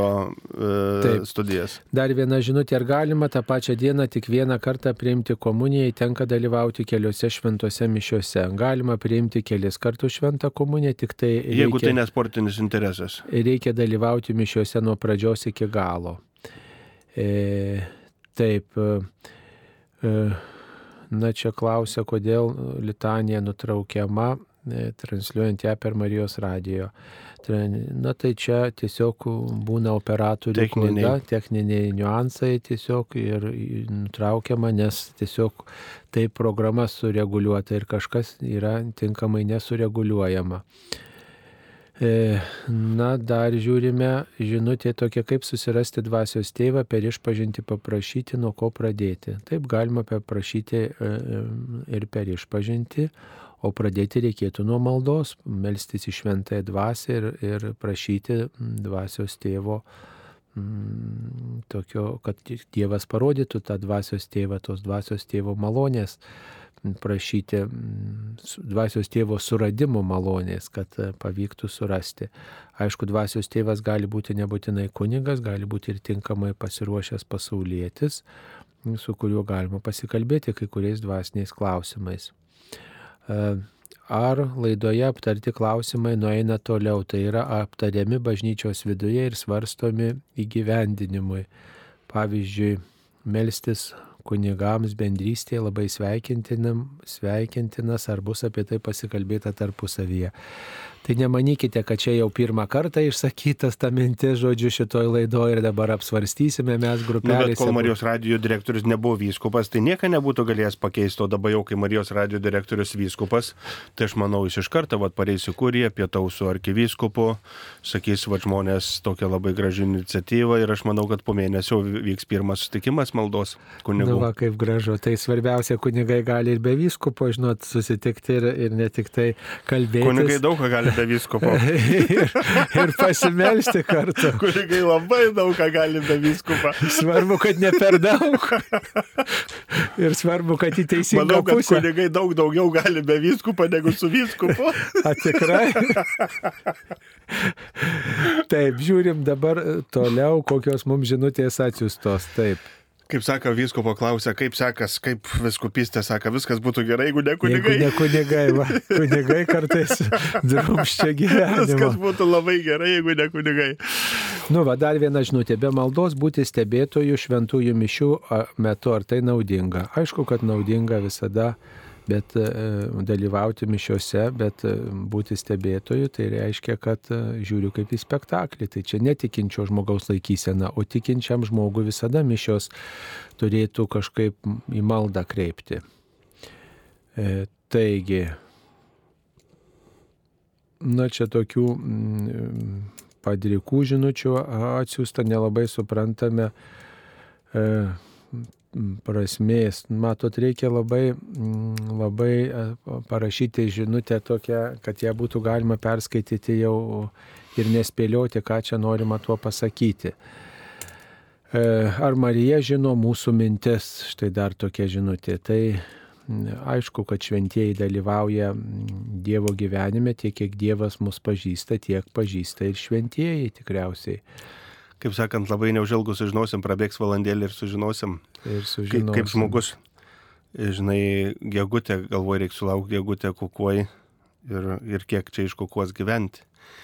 Ir girdė, gegutė tik ku, vieną kartą su, pusę kartą sukukavo ir žmogus klausė, kodėl tiek ma. ir iš karto padeda šaukštą. Ir tik pusę žodžių, kodėl tiek ma. Jau žai nespėjo pasakyti. Ku, kodėl tiek ma? E, taip, tai ką daryti? Greit sužinosim, ar Marija žino mūsų mintis, ar ne, kaip sakant, prabėgs valandėlį ir dar šiandien. Aha. Na tai čia dabar stebėsi, e, kodėl Marijos radijoje kviečia aukoti. Dėl to, kad Marijos radijas kviečia aukoti, todėl kad e, kad Marijos radijas išsilaiko tik iš e, tikinčiųjų aukų. Ir e, visam pasaulyje taip yra, kad e, per Marijos radiją prašoma klausytojų prisidėti prie šio projekto. Jeigu mm, klausytojai mano, kad Marijos radijas reikalingas, jie jį ir išlaiko.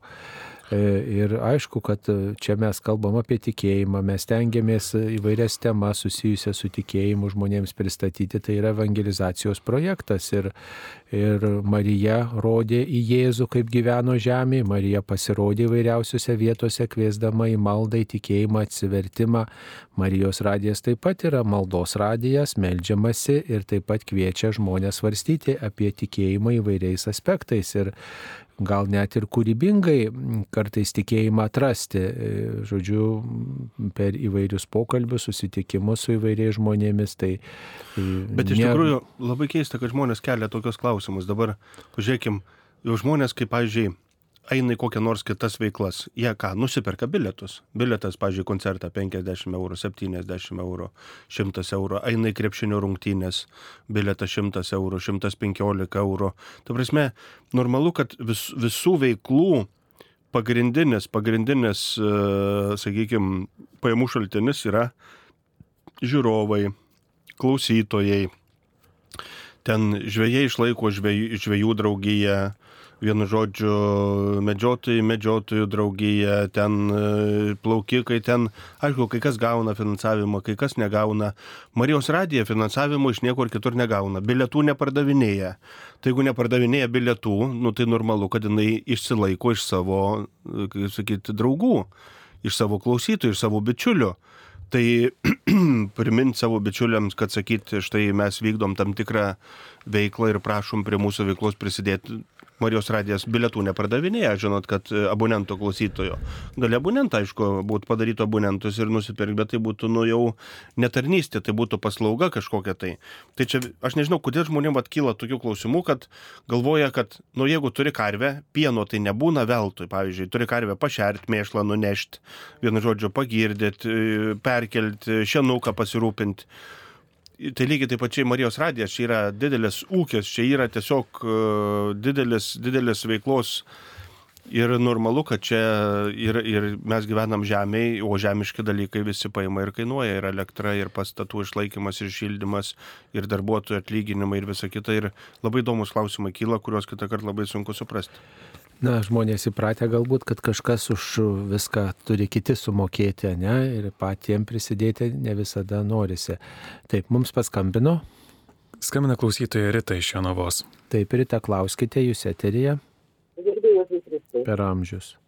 Birželio pradžioje teko būti pas kuniga Mikitiuką pirmosios komunijos šventėje. Dukterėčios labai noriu padėkoti, tikrai labai gražiai suorganizuota šventė, labai, labai puikios mišios ir visos apeigos.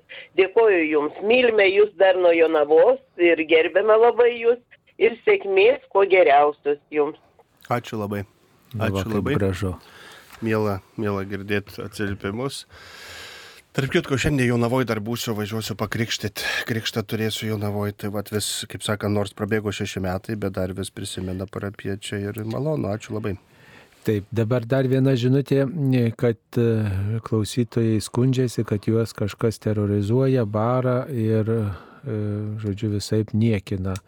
Ir sako, jeigu aš tylėsiu, tai galbūt viską galiu prarasti, kaip elgtis. Nu, pasikalbėkit su tai žmonėmis, kuriais jūs pasitikite, kad jūsų neskriaustų. Taip galime patarti.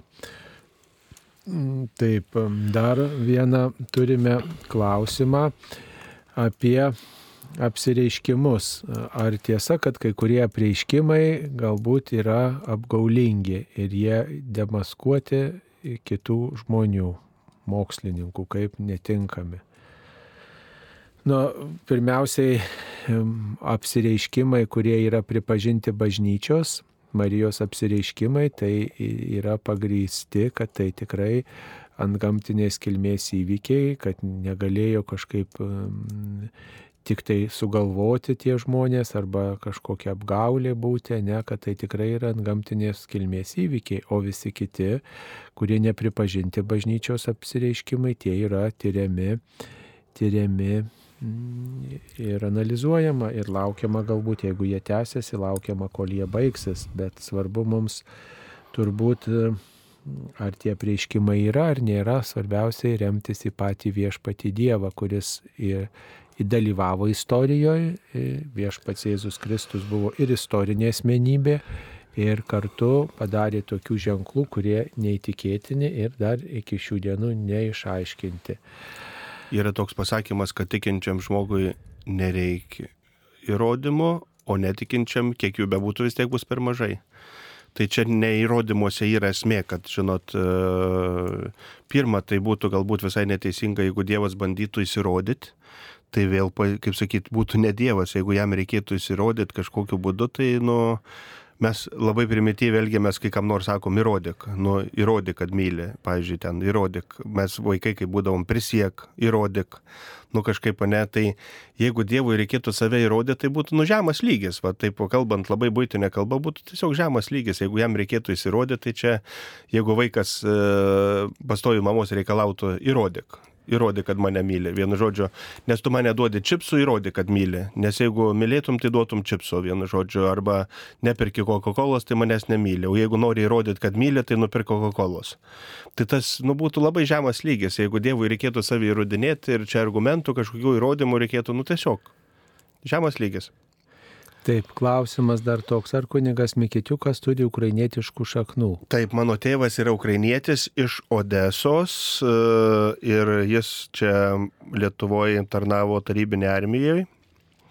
Ir jisai sugebėjo susukti galvą mano mamai.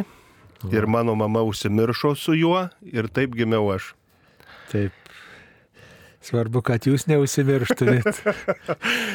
Taip, nes Odesoje pavardė Mikitiuk yra labai dažna Populiari. pavardė, labai populiari. Tai Ten visos tos pavardės rai, baigėsi raidė, ten Ševčiuk, e, Mikitiuk, vienu žodžiu, ten visokių tas e, toks pavardės, tai jos labai populiarios Ukrainoje. Tai va vienas.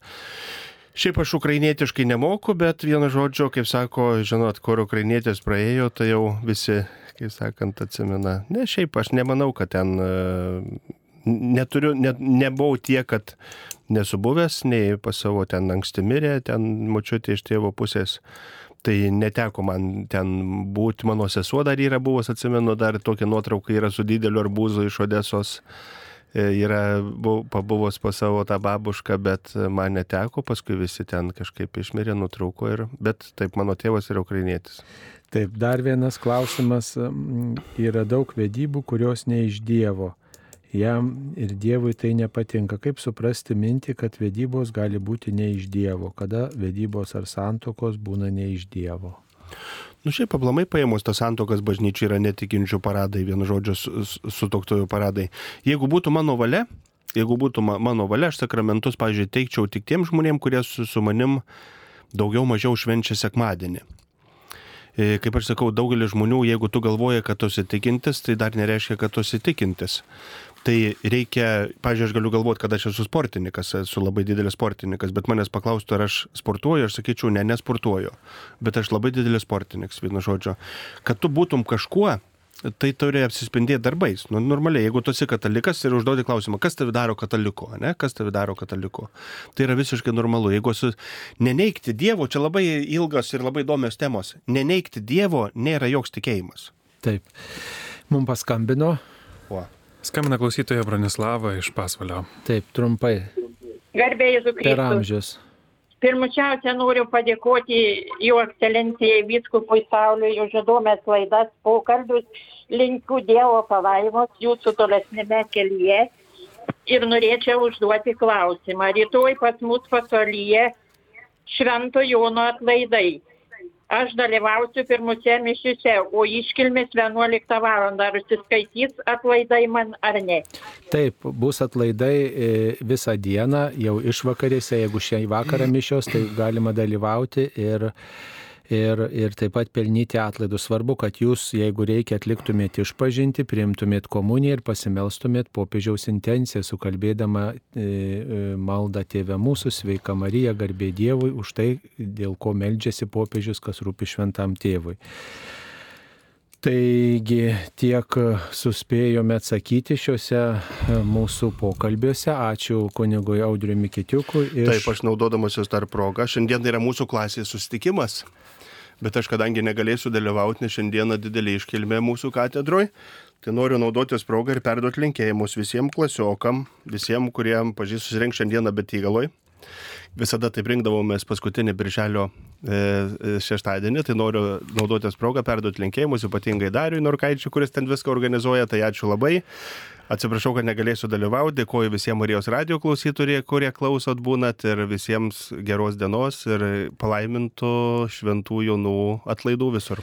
Taip, šioje laidoje dalyvavo mm, Kauno švenčiausios Jėzaus širdies mm, parapijos klebonas kunigas Audrius Mikitiukas, prie mikrofono buvo ir aš, vyskupas Saulis Bužauskas. Būkite palaiminti, ačiū sudė.